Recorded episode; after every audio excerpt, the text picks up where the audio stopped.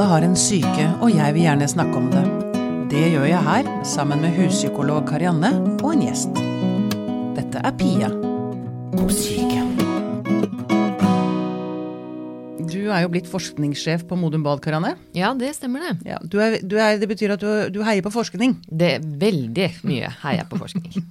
Alle aspekter ved det. Alle aspekter ved det, til og med. Ja, ok, det er bra. Det passer jo fint i og med at vi skal snakke om forskning i dag. Um, vi har fått besøk av Nina Kristiansen, redaktør i forskning.no. Velkommen hit. Takk for det. Um, jeg har lyst til å begynne litt sånn altså, Jeg har lagt merke til nå at flere og flere er litt sånn, sånn derre Nyere forskning viser at um, forskning kan bli litt misbrukt i media. Um, bare for å ta den negative siden ved dette først, så kan vi bare være positive etterpå. Ja. Ja. Jo, men jeg syns jo det er viktig å ha et kritisk blikk på forskning. Og eh, forskere har jo det sjøl, gjennom å være kritiske til hverandres arbeid. Men vi som er journalister, vi må jo også det. Vi kan ikke ta altfor god fisk som kommer. Og eh, vi har nødt til å bruke rett og slett liksom journalistisk metode da, på forskning. Og det kan være litt vanskelig, for vi er jo ikke forskere. Hvordan kan jeg vite at du gjør et dårlig arbeid? Eller hvordan når det kommer en studie som sier alle kvinner er like rosa eh, av, av psykologiske årsaker, hvordan kan jeg vite at det er god og dårlig forskning? Og der er jo vi som er litt sånn spesialister, da, i, som kaller oss forskningsjournalister, vi er kanskje litt flinkere. Men, men det er ikke lett, altså. Og det er i hvert fall ikke lett for leserne å klare å sortere med når ny forskning viser hva betyr egentlig det. Er det da sant, eller er det et foreløpig resultat? Ja, For det er blitt en nesten litt sånn motegreie i media, liksom. Altså VG, Ja. Dagbladet, det er sånn nyere forskning viser, og så sitter man der og blir livredd fordi nå er bananer livsfarlig, liksom. Ja, og så mm, pluss at forskere har jo motstridende resultater. Liksom Det mest kjente eksempelet er jo sånn kaffe er sunt den ene dagen, og så er det usunt den andre dagen. Ikke sant. Men her om dagen på, kom det en melding om at du kan drikke 25 kopper om dagen. Da ble jeg da, Ja, det var fint. Jeg Men hvor lenge varer det, er spørsmålet Nei, mitt jeg da, før det skal- plutselig kommer en Jeg satser på den. Jeg Ja. bare tror på den videre. Det Passer er meg bra. Ja.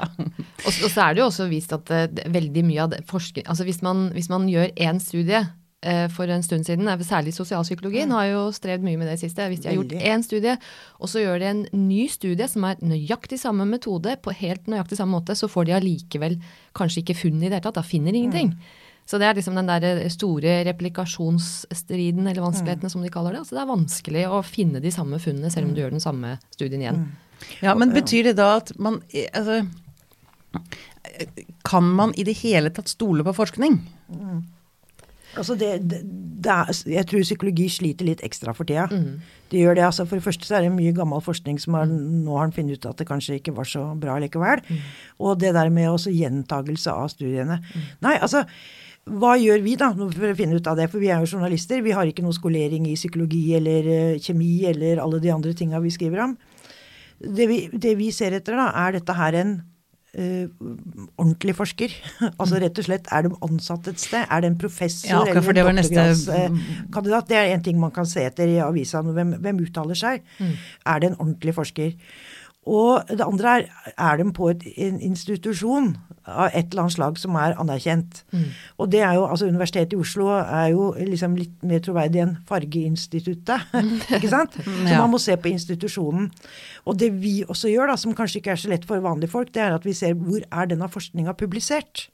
Og da har du jo gode og dårlige tidsskrifter. Ja, kan du komme med noen eksempler på veldig gode og noen på veldig Ja, dårlige? altså, Bare de- så læ og lærer vi opp lytterne litt? Ja, men det er så mange av dem. Og det fins lister. Altså det fins lister på noe som heter eh, Universitets- og høyskolerådet, uhr.no. Der finner du lister over eh, Hvis du er veldig interessert, da, og dette her er noe som virkelig deg, opptar deg, så kan du gå der og sjekke om eh, tidsskriftet er godkjent i Norge.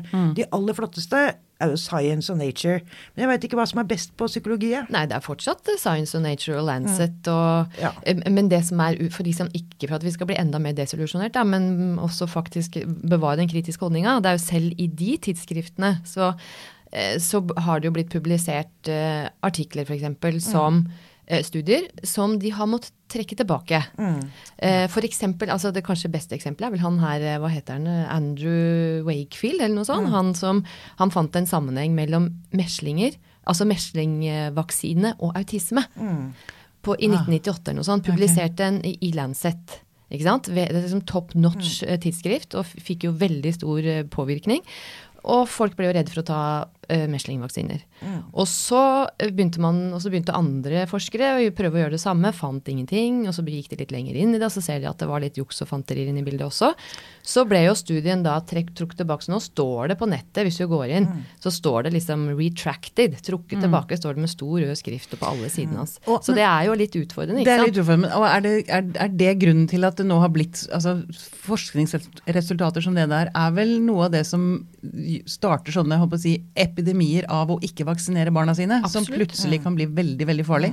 Ja, som er det. Men, men dette her er jo uh, Hva skal vanlige folk gjøre i den ja. jungelen? ikke sant? Ja. Og det du kan se er det sånn, Finner du én studie eller, om noe, eller bare noen få studier, mm. så er det litt mer usikkert enn om du ser at det er mange forskere som har funnet samme tingen. Mm. Det kan man undersøke.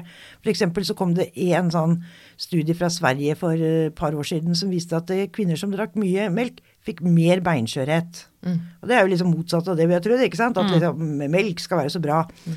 Men det var én studie, og det er lett å google seg fram til, altså at, du, at det, da er det spinkelt. Mm. Og så bør man se om det er rotteforsøk, eller om det er mennesker. ikke sant? Fordi det er jo også en. Altså, hvis dette her er eh, forskning eh, utført på dyr, så kan det være veldig interessant og en spennende begynnelse, men, men rotter er ikke mennesker. Mm, mm. Så det kan man også. Mm. Og så er det én ting som er sånn spesielt innenfor psykologi, syns jeg, da. Og det er at man sånn Mange eh, forskere i USA hanker inn en gruppe studenter. Flasher noen bilder, og sånn blir de redde av å se bilder av farlige dyr. Litt sånn enkel forskning, syns jeg, da. Mm. Eh, og, og, så sier man ja, 75% ble, fikk ikke sove om natta etter å ha sett voldsfilmer. Mm. Men det er amerikanske studenter, og de er liksom noen og tjue år. Mm. De er ofte middelklasse, ofte hvite, og det er kanskje ikke gjeldende for eh, flertallet av eh, den norske befolkningen. Mm. Så man kan liksom bare se liksom, hvem har de snakka med? Mm. Hvor stor er studien? Har de snakka med tre menn på Grünerløkka, eller har de snakka med liksom 3000 mm. menn i Norge? Så man kan gjøre litt sånne vurderinger. Mm. Eller så går man Det aller enkleste, da, er jo å gå til medier man stoler på. Ja. Det kan man jo også.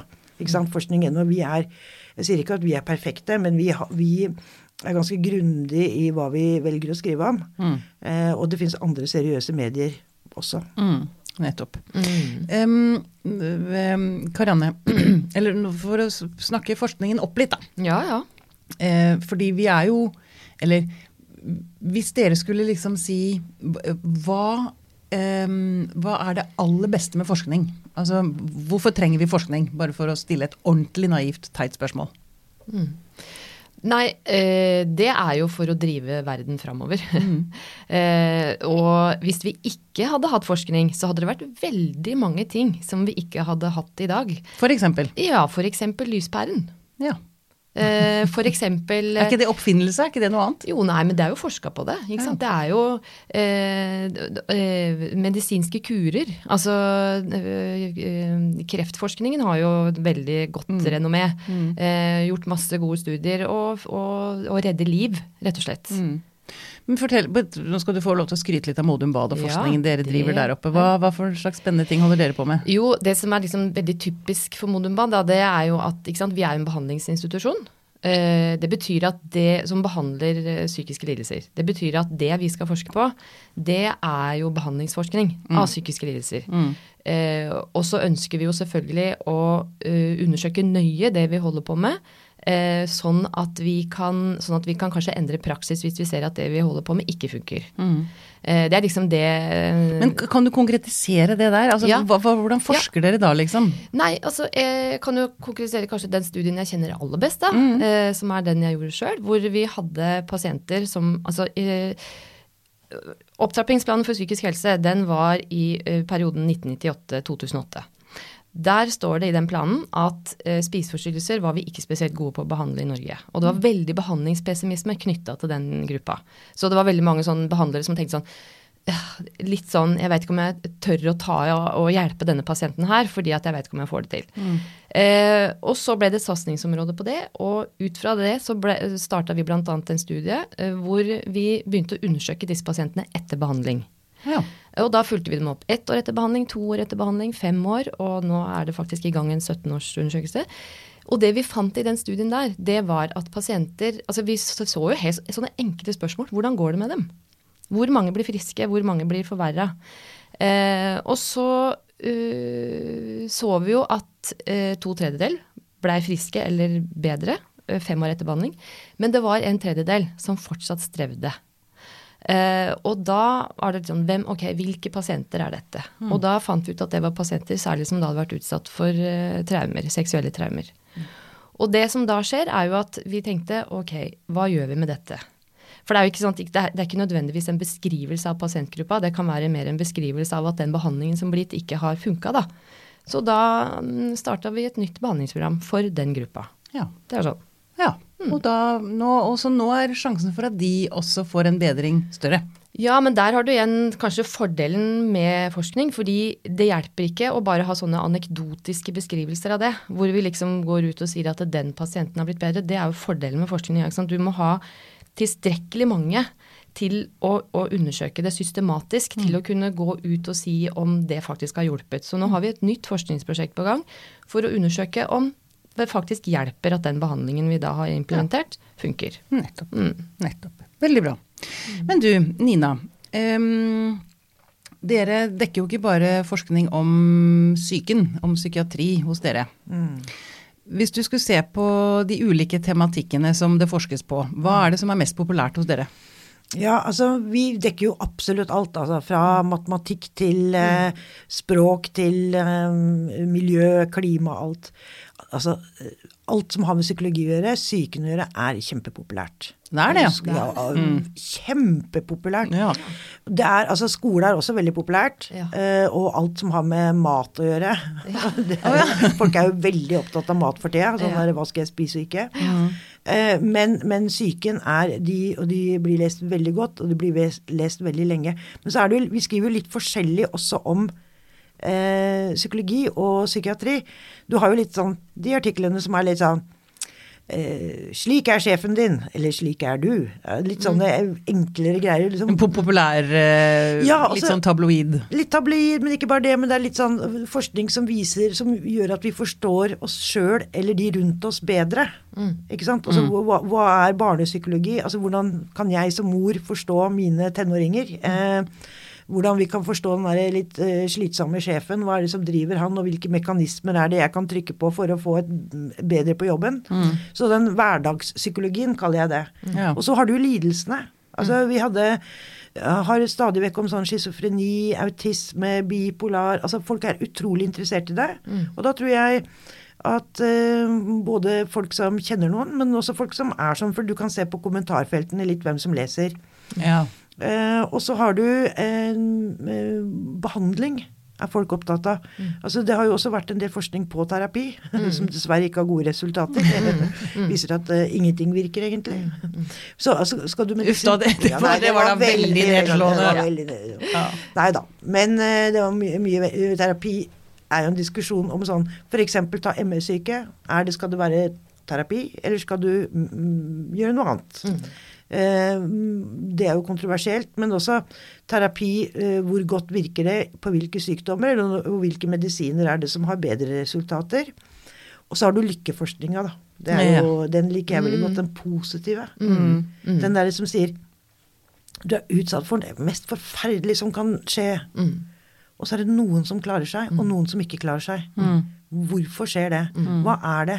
Jeg var på en eh, sånn lykke forskningssenter mm. i California. Eh, og de forska på akkurat det. Mm. Det syns jeg er veldig spennende, og de blir også veldig godt lest. Mm. Ja. Hva er det som funker?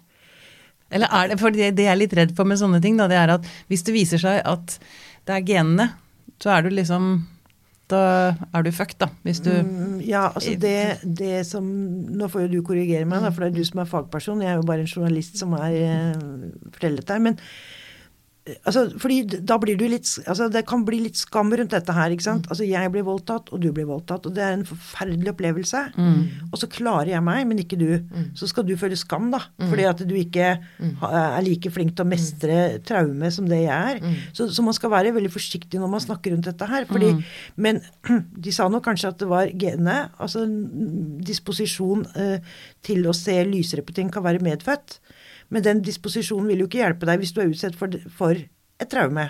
Ikke sant? Altså, det, ikke, det spørs jo hvor stort traume er og sånne ting. Så det er det ene genet. At en medfødt egenskap til å mestre eh, psykiske eh, vansker. Men det andre er jo også trening. Ikke sant? Altså, når du har vært gjennom noen oppoverbakker, så, ta, så er det lettere å ta de neste. Du får trent opp musklene, liksom? Trent opp musklene. ikke sant? Den første depresjonen kan være helt forferdelig, fordi du, du har ikke noen kompetanse på din egen depresjon, og så hjelper det litt etter hvert. Mm. Så når du har hatt den femte, så veit du det at det er en vei ut, og du veit litt åssen du reagerer, og, og, og, og, får det litt lettere, da. Så trening. Ja. Sa de der, da. Ja, Og så er det jo ikke sånn at selv om det er i genene, så er det fucked, på en måte. For det ligger jo tilbøyeligheter der, ikke sant. Og så er det allikevel eh, miljø... Altså, men det er kanskje bare du må være klar over eh, sårbarheten, sine egne sårbarheter, da. Og så er det jo, til, så er det jo liksom miljøet som kanskje også er med å skru på bryteren noen ganger. På de genene som ligger der latent. Mm. Så Ja, det er som Hedvig Montgomery. Hedvig Montgomery sa her. eh, Kjærlighet leger jo. Altså, Ja. hjernen er i endring. Ja. Um. Du kan bli Få det mye bedre med kjærlighet. Mm. Ja, og bra. du kan lære. Og du kan lære, ikke minst. Ikke minst. Mm. Um, um, litt av problemet, tenker jeg, med forskning, eller um, et spørsmål Noen er jo flinke til å formidle forskningen sin på en forståelig måte, men det er langt fra alle. Er det litt sånn at altså, Jeg er litt redd for at den forskningen som liksom kommer ut, er de som er, for å si det litt enkelt, PR-kåte og flinke til å formidle det, mens annen forskning med litt mer introverte, forsiktige forskere kanskje ikke kommer ut. Dette tenker jeg eh, Her er det et eller annet som jeg har lyst til å nøste litt i. Det er jo helt riktig, det. Altså, jeg pleier å si at forskere kan jo ikke snakke. I hvert fall ikke menneskespråk. Så det, og det, det, det er jo det er sånn. Ehm, kanskje innenfor helse så har dere masse sånne der, em, egne uttrykk som bare liksom plopper ut og bruker Ikke hit og pine. Og, og dette har jo vært Faglingo. ja, ikke sant? Dette har jo vært et spørsmål veldig lenge mellom pasienter og leger. Skjønner pasienter hva legene sier? Eh, og det har, jo, det har jo forskning visst at det gjør eh, leger snakker vanskelig. Og det samme blir jo da når helseforskere snakker ut eh, til folk. Og du har nok rett i det, at det, de som er flinke til å snakke, kommer bedre ut med forskninga si. Men også de som har penger og ressurser Ikke rundt sant. kommunikasjonen. Så vi ser jo det at vi får jo pressemeldinger fra amerikanske universitet og forlag som har liksom store kommunikasjonsavdelinger, og som er superflinke til å skrive pressemeldinger. Og, men da er jo vår jobb som journalister å være skeptiske og prøve å se gjennom liksom de store orda. Og, sant? Det er jo en trening, det òg. Vi lærer og vi lærer, kjenner lusa på gangen. Men hva kan man gjøre med disse som da faktisk står bak ordentlig god forskning, men som ikke klarer å få det ut? Det, det tenker jeg er jo et demokratisk problem. Det er jo det. Men det vi gjør da, er at vi følger jo med på tidsskrifter og sånne ting. Så, for de kan jo skrive akademisk, og det gjør de jo. Så da kan man jo plukke opp de akademiske arbeidene og lager journalistikk på det. Ja. Så får vi håpe at de har en institusjon som løfter dem opp. Ja, og så tenker jeg, eh, altså apropos trening, eh, tenk, det er faktisk en viktig del av forskningsaktiviteten. Det er akkurat det. Ja. Det, så vi, vi forskere må også ta et ansvar. Jeg tror vi eh, er Som stand så tror jeg vi kan være ganske redde på, på mange måter. For å beskytte, liksom beskytte eller forsvare oss litt, da, så er det jo én ting er at noen ganger er det devil in the details. ikke sant? Altså Vi er så innmari redd for at For, for det skal komme tatt, for Ja, at det blir tatt på noe? ikke sant? Det er litt den derre kommaregelen som man tenker redder liv. ikke sant? La oss spise bestemor versus la oss spise bestemor. ikke sant? Eh, Det er litt sånn, Vi er så innmari redd for at det skal komme gærent ut. Og så tror jeg også vi helt ærlig talt er litt redd for at Altså Jeg kan jo få spørsmål om ulike ting. Jeg er f.eks. opptatt av barn og unges psykiske helse. Jeg, og, og ikke minst fordi at jeg jobba liksom i andre enden med de som er alvorlig syke lenge. da. Eh, så kan jeg få spørsmål dann og vann om det. Og så, eh, er jo ikke det Det er jo ikke noe jeg har forska på. Jeg kan litt om det, for jeg har lest litt om det, men jeg har ikke forska på det. Så, men jeg veit noen i Bergen som forsker på det. Ja.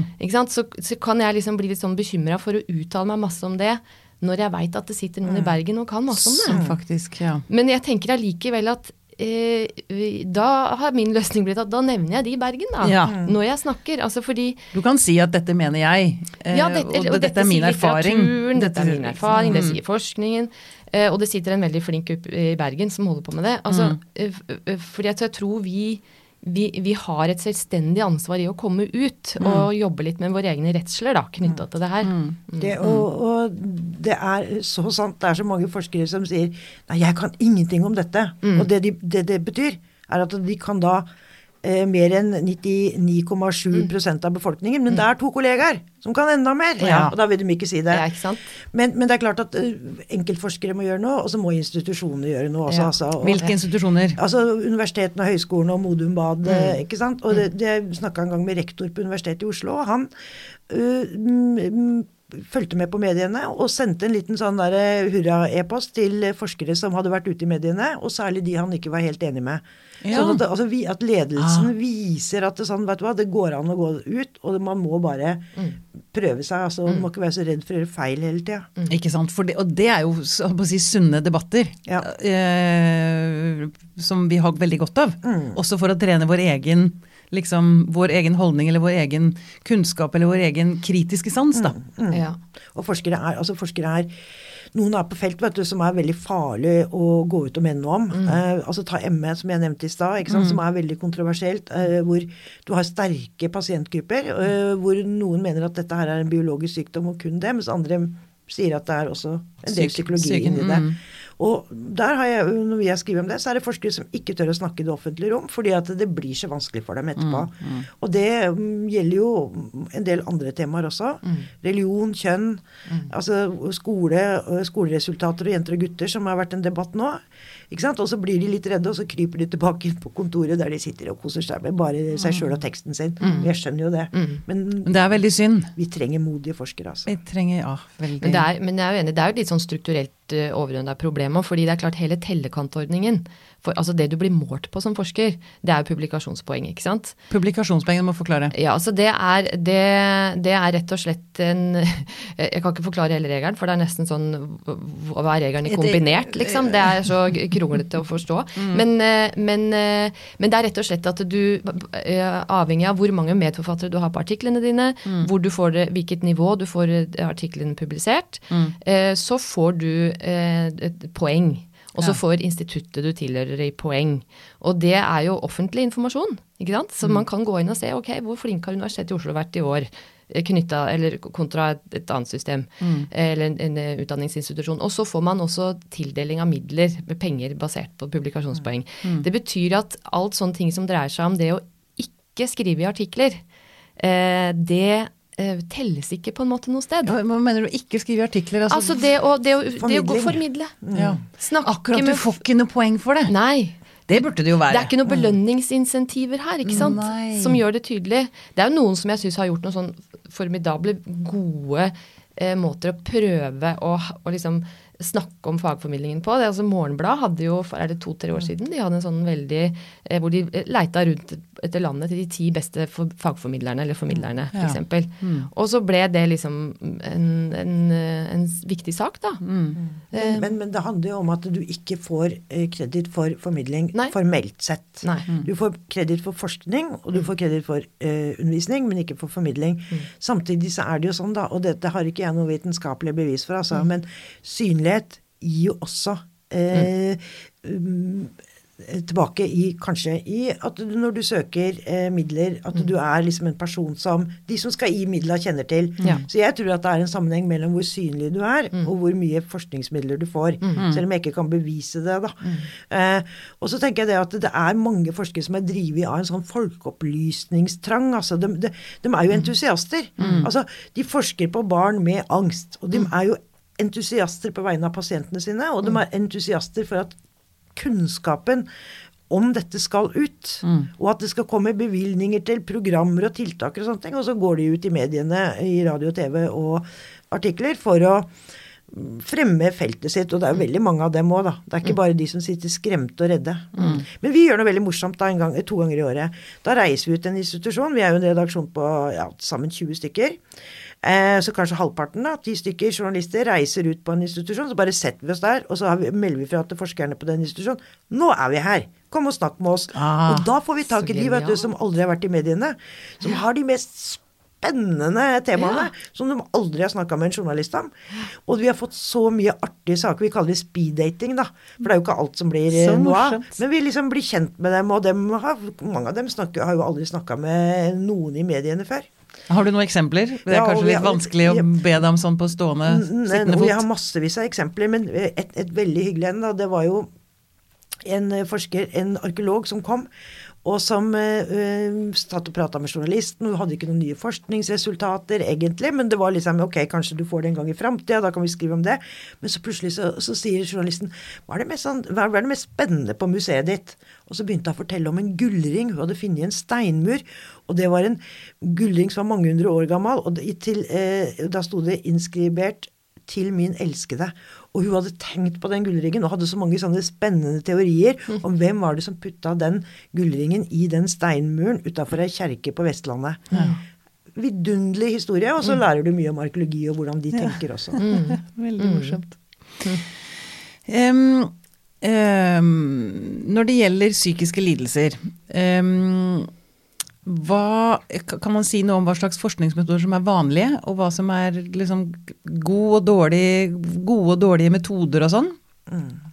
Altså det vi, dette, vet, dette er jo ditt felt, men altså det vi ser etter, da, er, er det store studier. Mm. Eh, er det gjort noe på det før? Eh, og er det, eh, gjelder det nordmenn? Eller folk som bor i Norge, da. Eh, er det amerikanske studenter, så er vi litt mer skeptiske, fordi at det er eh, ja, Så er det noen felt som kanskje har, sliter litt med en andre evolusjonspsykologi. Mm Syns jeg er et eh, rart felt, hvor man liksom kobler dagens atferd med evolusjon og ting som vi utvikla liksom, på steinalderen, og ikke dealer helt med kulturen som har skjedd mellom, og alt, alt, alt det som gjør oss annerledes enn steinalderfolket, da. Så, men, men eh, jeg tenker jo at intervju er en veldig bra forskningsmetode hvis du har snakka med mange folk, mm. uh, istedenfor bare spørreskjemaer. For spørreskjemaer fanger liksom ikke alltid opp hele, hele mm, det komplekse mennesket vi er, da. Du utfyller hverandre ofte, da. fordi det som er fordelen med spørreskjemaer, det er jo at du eh, eh, sånn rent akkurat i det øyeblikket det skjer, ikke sant. Så hvis de da får en beskjed om nå skal du, nå skal du svare på spørreskjemaet, og så skal du svare så godt du bare kan, så blir man allikevel liksom tvinga inn til en måte å prøve å for, liksom, systematisere seg sjøl litt på, og så kan man da sette det sammen med veldig mange andre, og sånn sett prøve å fange opp et begrep. Men det er jo fortsatt bare Det er utfordringer med psykologi, ikke sant. Man prøver jo bare å fange opp et et begrep som man tenker er eh, ja, som, som man ikke kan ta på, da. Ikke sant? Så man ha, må ha en teoretisk forståelse av hva er det vi prøver å fange opp her. Men en annen ting også man kan nå se litt etter sånn i forhold til når det gjelder eh, psykiske lidelser, det tenker jeg sånn spesielt behandlingsstudier, er jo om eh, Er det her også Har de tilstrekkelig uh, målt og spurt pasienten? Eh, Ikke bare For veldig ofte, mange behandlingsstudier er sånn de spør de som strever i starten, og så spør de dem på slutten. Og så sier de at det, det er liksom sånn, eh, så og så stor effekt av denne behandlingen her. Eh, men man bør også spørre dem underveis. Og det er det jo flere studier som kommer nå. Det er liksom noe av kanskje det vi holder på med veldig mye på Modum Bad. Å spørre dem veldig mye hver uke. Hvordan går det? Både fordi at man da underveis også sånn rent klinisk kan endre kurs, men også fordi at da kan vi begynne å nærme oss litt mer, ikke bare om det har noen effekt eller ikke, men hvorfor har det en effekt? Hva er det som funker i terapien? Hva er det som funker i denne behandlinga? Og spesielt i, i psykologi og psykiatri så trenger vi å vite det, ikke bare om det har en virkning. Det er jo litt sånn som journalistikken. Altså, Stiller du gode spørsmål, så får du gode svar. Ja. Stiller du dårlige spørsmål, så får du dårlige svar. Ja.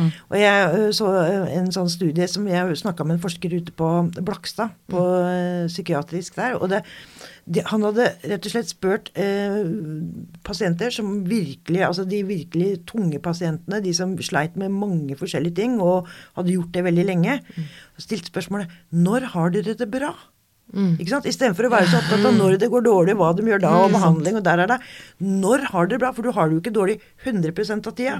Og da fikk du jo masse ny kunnskap om hva er det som fakt når er det de folka i løpet av en dag eller i løpet av en uke trives og har det fint tross for den tunge lidelsen. Og det er vel ganske fint også for pasienten å få liksom bli slusa inn på det som faktisk funker. Mm. Det virker jo mye mer håpefullt på en eller annen måte. Mm. Men um, Nina, eh, det er jo altså jeg, Eller dere begge i og for seg. Um, etiske regler de har jo blitt strengere og strengere. Eh, ikke sant, for forskning. Men det er en del forskning som ble gjort for mange år siden, som ikke fulgte de samme etiske reglene, men som har fått ekstrem innflytelse. Du nevnte for meg Stanford-eksperimentet. Kan ikke du kort fortelle om det, Nina? Det er et superberømt eh, eksperiment som ble gjort på 70-tallet, hvor en eh, veldig kjent forsker dro inn studenter. Eh, og altså først bygde han et fengsel faktisk i kjelleren på universitetet. Så delte han disse studentene i to grupper. Noen skulle være fanger, og noen skulle være fangevoktere. Og så blei disse her filma, og så det, og liksom resultatet, da, kort fortalt, var at vi kan alle bli onde. For disse fangevokterne blei skikkelig badass. Altså de begynte å trakassere og nesten torturere de innsatte. Og de innsatte blei utrolig passive veldig fort. Sånn at det, læreren skulle da, og dette står jo i psykologilærebøker fram til i dag, er at det, i en gitt situasjon, hvis eh, betingelsene er til rette, så kan du enten da bli en sånn skikkelig passiv fange, eller en skikkelig ondskapsfull fangevokter. Og det, øh, og det er jo altså én, det ville aldri kunne blitt gjort i dag, fordi du kan ikke sperre folk inne i forskningens navn. Da. Det kunne man kanskje på 70-tallet. Ja. Og det andre viste, så viste seg det at det, ja, Og så var jo mye klausulert, da. Det skjer jo innafor psykologiforskningen. At du ikke At uh, notater og uh, film og videoer kan unntas offentligheten, eller unntas uh, innsyn i lange perioder av hensyn til de som deltar. Og det skjedde jo i dette tilfellet. Eh, så når da dette her blir åpna opp, så viser det seg at disse folka fikk jo instruksjoner. De ble jo lært opp i å være skikkelig skikkelig Og ondskapsfulle onde eller passive. Mm.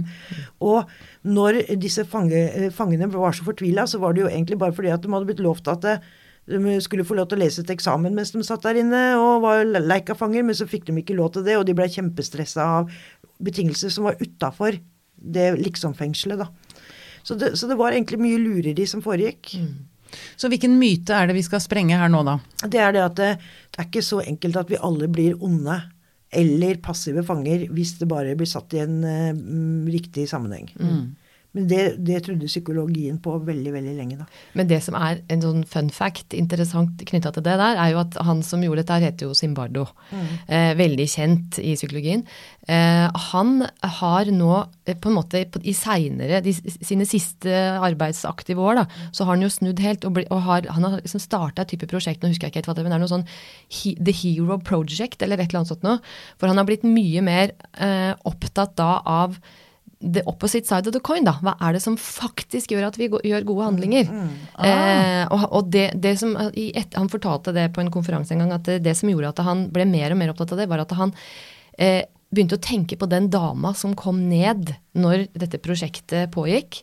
Eh, og så kommer det en dame ned som bare sier 'hva i alle dager er det dere holder på med?' Og så stoppa hun det. Å, hun, å ja. Ja, hun var kjempekritisk og sa at dette, kan det, dette er uforsvarlig, det er uetisk, nå må dere bare stoppe dette. Så Men, liksom men det forhindra ikke han fra å gå fra TV-show til TV-show og måte. men, lage en karriere på det eksperimentet. Det har han gjort. Mm. Men mista han ikke all kredibilitet, da?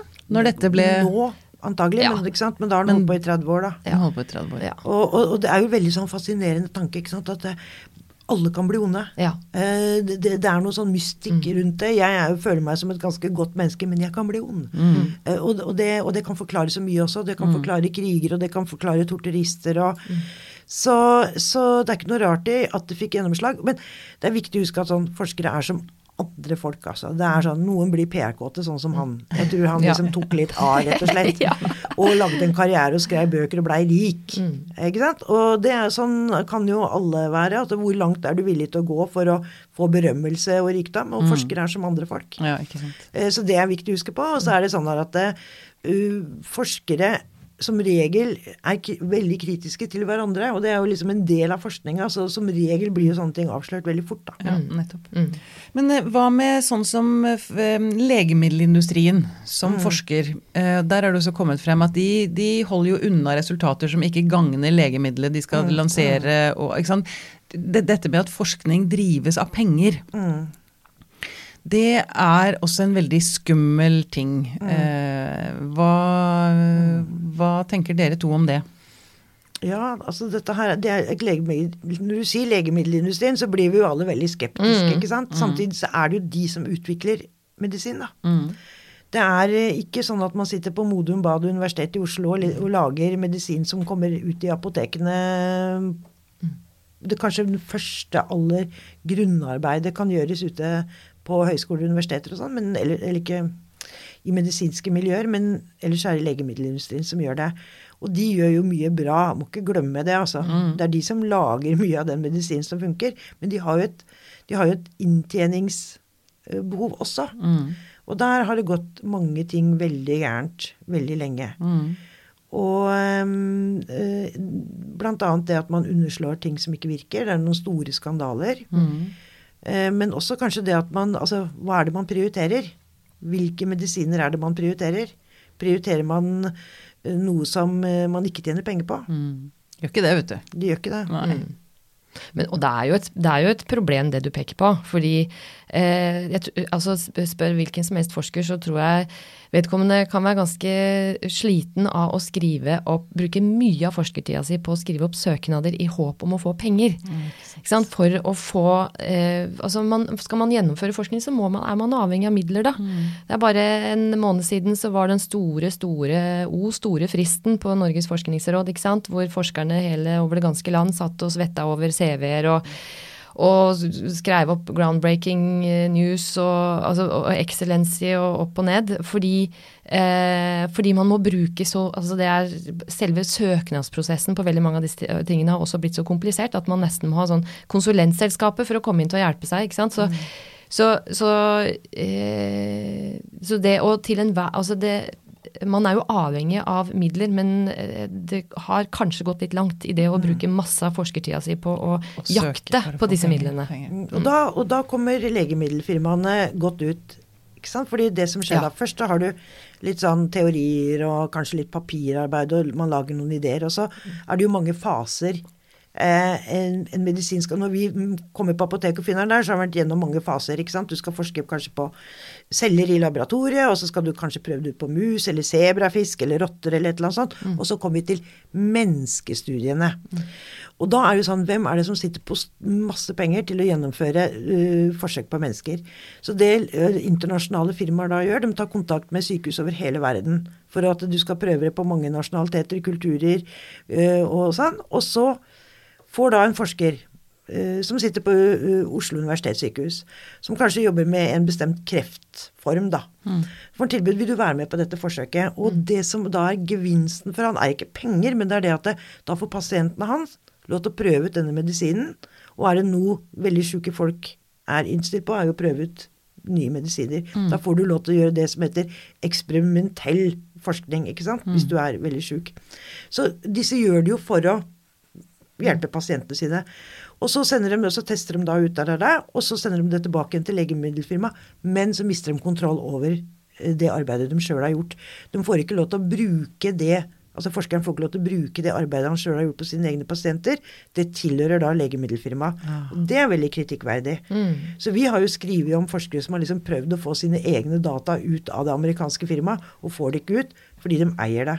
Så det er mye sånn trøblete rundt eh, hvordan dette foregår. fordi at er det noe forskning skal være, så er det jo vi åpen. Sånn at Ikke alle skal sant. kunne se inn. Det skal jo forskes for å gagne menneskeheten. Ja, og ikke det- for å det- gagne legemiddelselskapet eller, Eller noen lommebøker rundt Og omkring. det skal være etterprøvebart. etterprøvbart. etterprøvbart. Og det får du ikke gjort hvis de Nei. sitter og holder korta Nei. tett inntil. Så har jo de også blitt utsatt for press og blitt flinkere Mm. til å vise fram.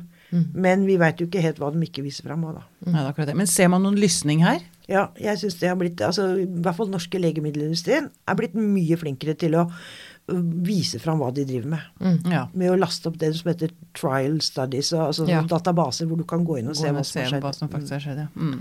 Ok, um, nå mot slutten så har jeg lyst til å bare høre med dere hva skulle dere ønske at det ble forsket mer på innenfor eh, psykologi og psykiatri? Er det noe dere liksom savner som dere lengter etter, som noen burde ta tak i? Da, ble, da ble det tyst. Nei, det er Neida. eh, Jeg tenker eh, det, det å få penger til um, få, Altså det å drive forskning på forebygging, det er ikke så enkelt. Eh, både å få gode studier og det å få penger til det. Eh, men det eh, altså, Skikkelig gode studier på hva som kan forebygge Vi vil jo helst ikke at psykiske lidelser skal utvikle seg. Så det tror jeg hadde vært Det hadde jeg lest med stor interesse. Ja. Hvem skal vi appellere til da? Nei Det er jo Altså, fokus er jo nokså politisk styrt, da. Mm. Så det er vel den gode gamle staten, da. eh, og politikerne, altså helsepolitikere. Eh, Mm. For det må jo være lønnsomt, tenker jeg. Ja. Å forebygge. Ja. Så du må jo spare Ja. samfunnet for enorme kostnader. Ja. Både altså, tapt arbeidsinntekt altså, ja, mm. Absolutt.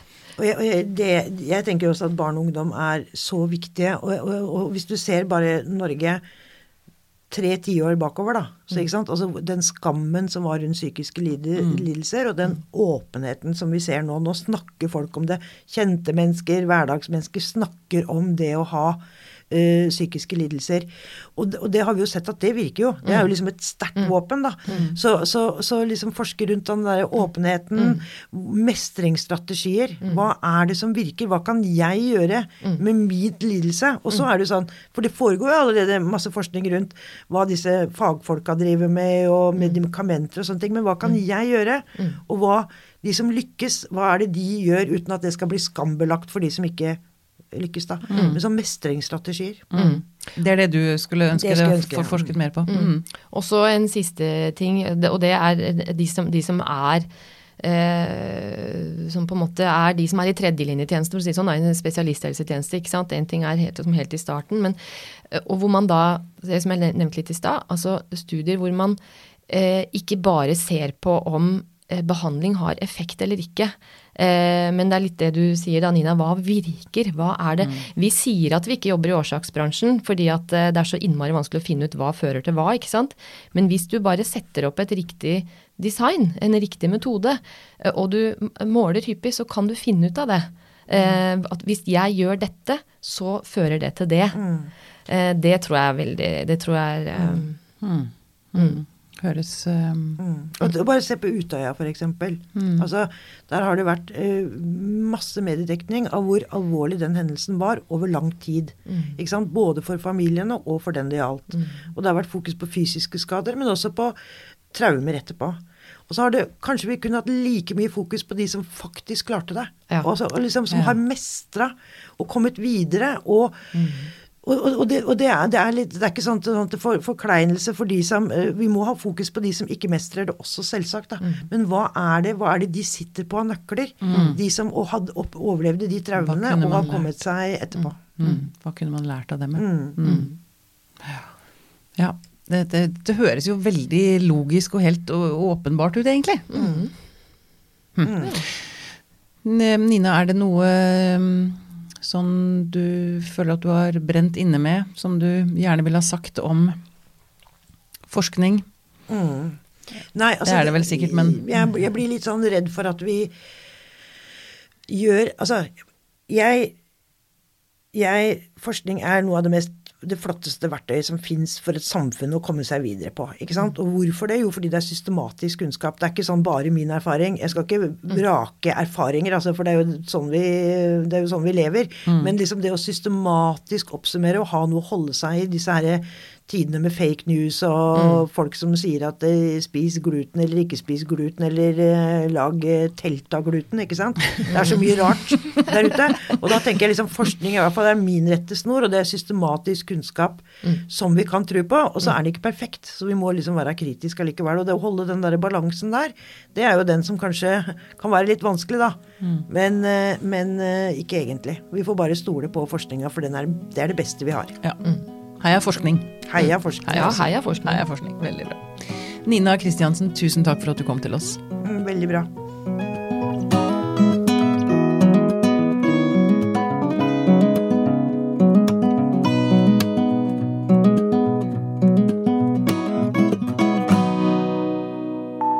Podkasten er produsert av Tid og Lyst. Med støtte fra Ekkos legat.